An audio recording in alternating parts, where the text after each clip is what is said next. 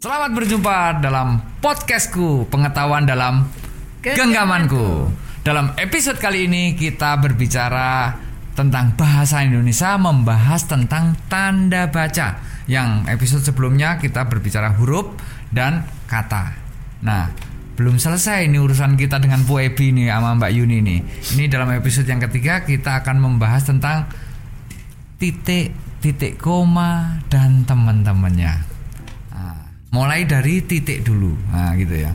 Kira-kira dari tanda baca titik ini apa sih mbak yang perlu diketahui oleh sobat pembelajar KU ini? Oke. Tanda titik itu yang pertama dipakai pada akhir kalimat pernyataan atau kalimat deklaratif ya.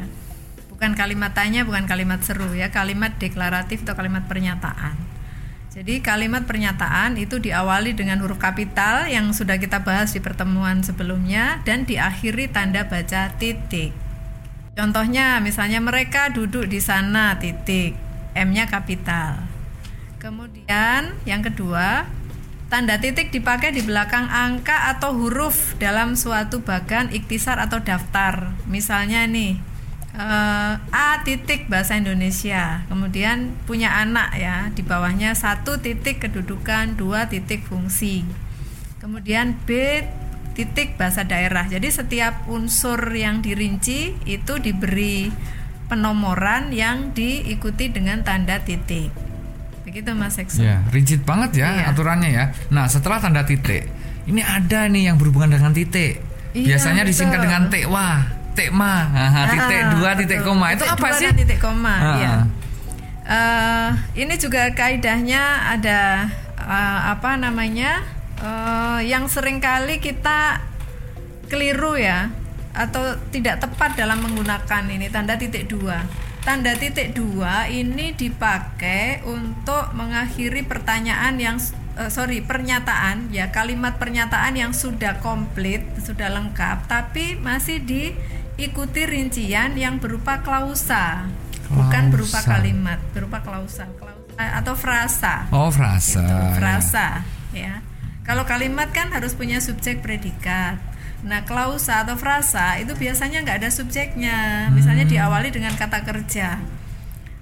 Misalnya mengumpulkan data, mengolah data, kemudian menganalisis, kemudian uh, laporan. Nah, itu kan diawali dengan kata me kan, me, hmm. me dan seterusnya. Nah, hmm. itu disebut klausa atau frasa, tidak ada hmm. subjeknya. Hmm. Nah, kalau rinciannya seperti itu, berarti kalimat induknya itu harus diakhiri tanda baca titik dua. Okay. Tuh, karena masih diikuti rincian yeah. yang rinciannya itu berupa klausa atau frasa, bukan berupa kalimat. Oke. Okay. Jadi kalau kalau berupa frasa atau klausa tadi ya hmm. itu berarti tekwa tekwa tekwa gitu ya. Iya. nah titik sudah titik dua sudah. Berikutnya adalah koma. Nah koma ini aturannya gimana? Serumit titik itu apa? Berbeda aturannya? Nah, koma ini uh, digunakan untuk memisahkan unsur-unsur dalam suatu perincian okay. misalnya misalnya ada uh, tiga unsur atau lebih yang dirinci dalam satu kalimat. Misalnya ada telepon seluler, komputer, televisi, televisi. Oh itu koma. Ya itu koma. Ah, telepon okay. seluler koma, komputer koma dan si ya berarti. Biasanya ada dan serta itu gimana nah, nulisnya? Kalau sudah pakai dan di belakangnya kan nggak boleh dan lagi. Ya. Maka sebagai alternatif lain dipakailah serta. Sebelum gitu, serta berarti koma dulu.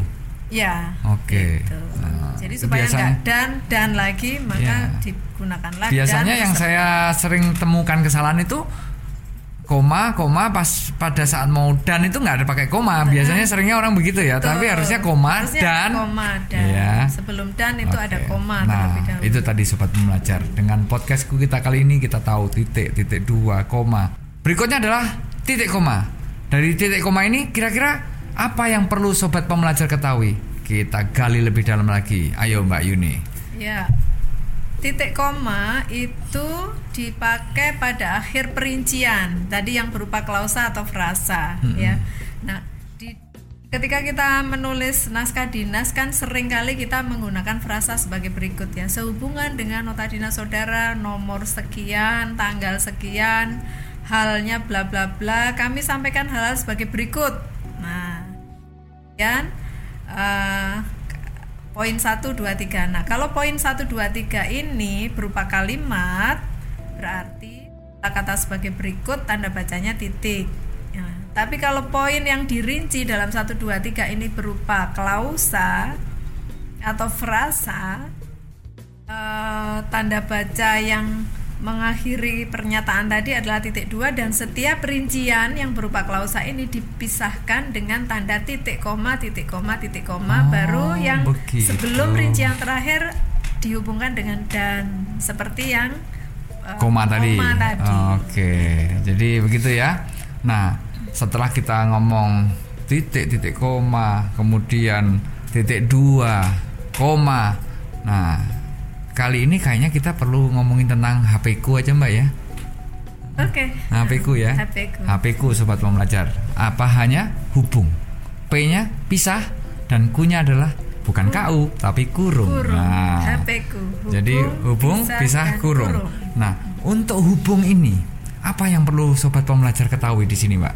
Ya, tanda hubung. Nah, ini teman-teman, sering kali kalau saya menemukan atau mereview atau mengoreksi naskah dinas itu ya, tanda hubungnya itu diberi spasi.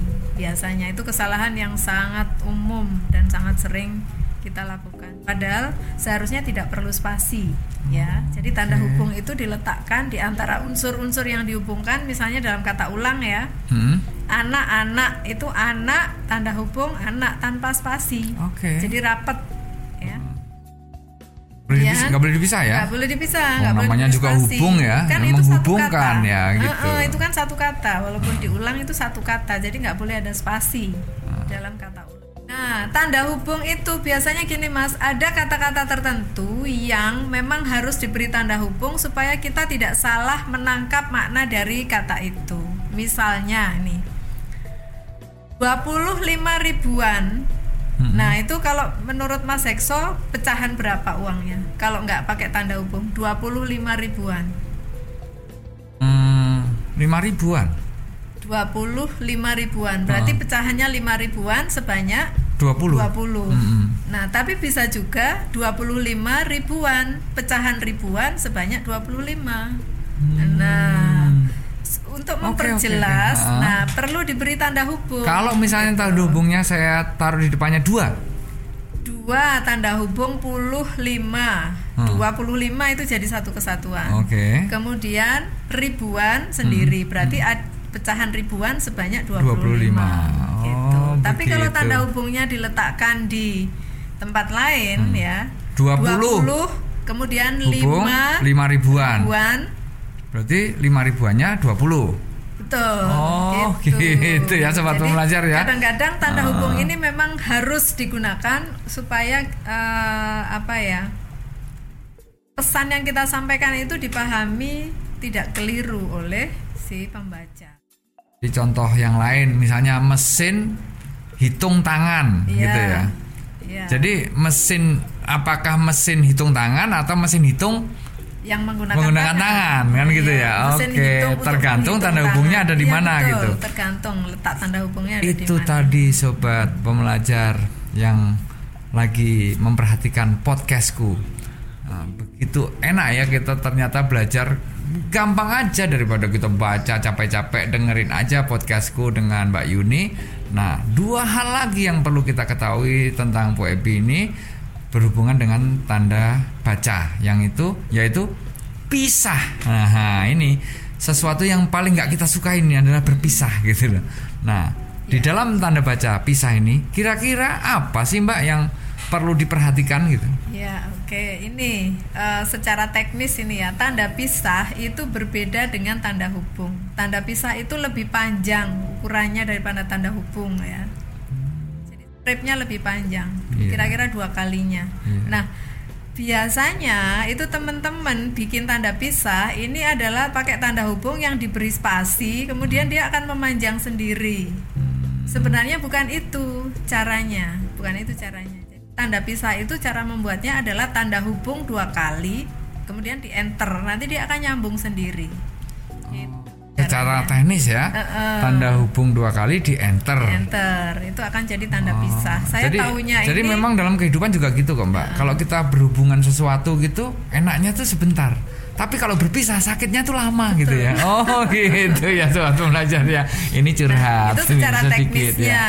Oke. belum Hmm. pemakaiannya. Oh begitu ya. Belum pemakaiannya Bagaimana pemakaiannya? apa? Nah, tanda pisah ini eh, dipakai untuk membatasi penyisipan kata atau kalimat yang memberi penjelasan, tapi sebenarnya itu di luar dari struktur kalimat intinya, gitu. Jadi misalnya kita menambahkan keterangan di tengah-tengah kalimat yang meru- bukan bukan bagian dari kalimat inti. Misalnya ini, keberhasilan itu dapat dicapai kalau kita mau berusaha keras. Nah, itu kalimat intinya seperti itu. Tapi kemudian kita menyisipkan satu dua kata di tengah. Nah, itu pakai tanda pisah tadi.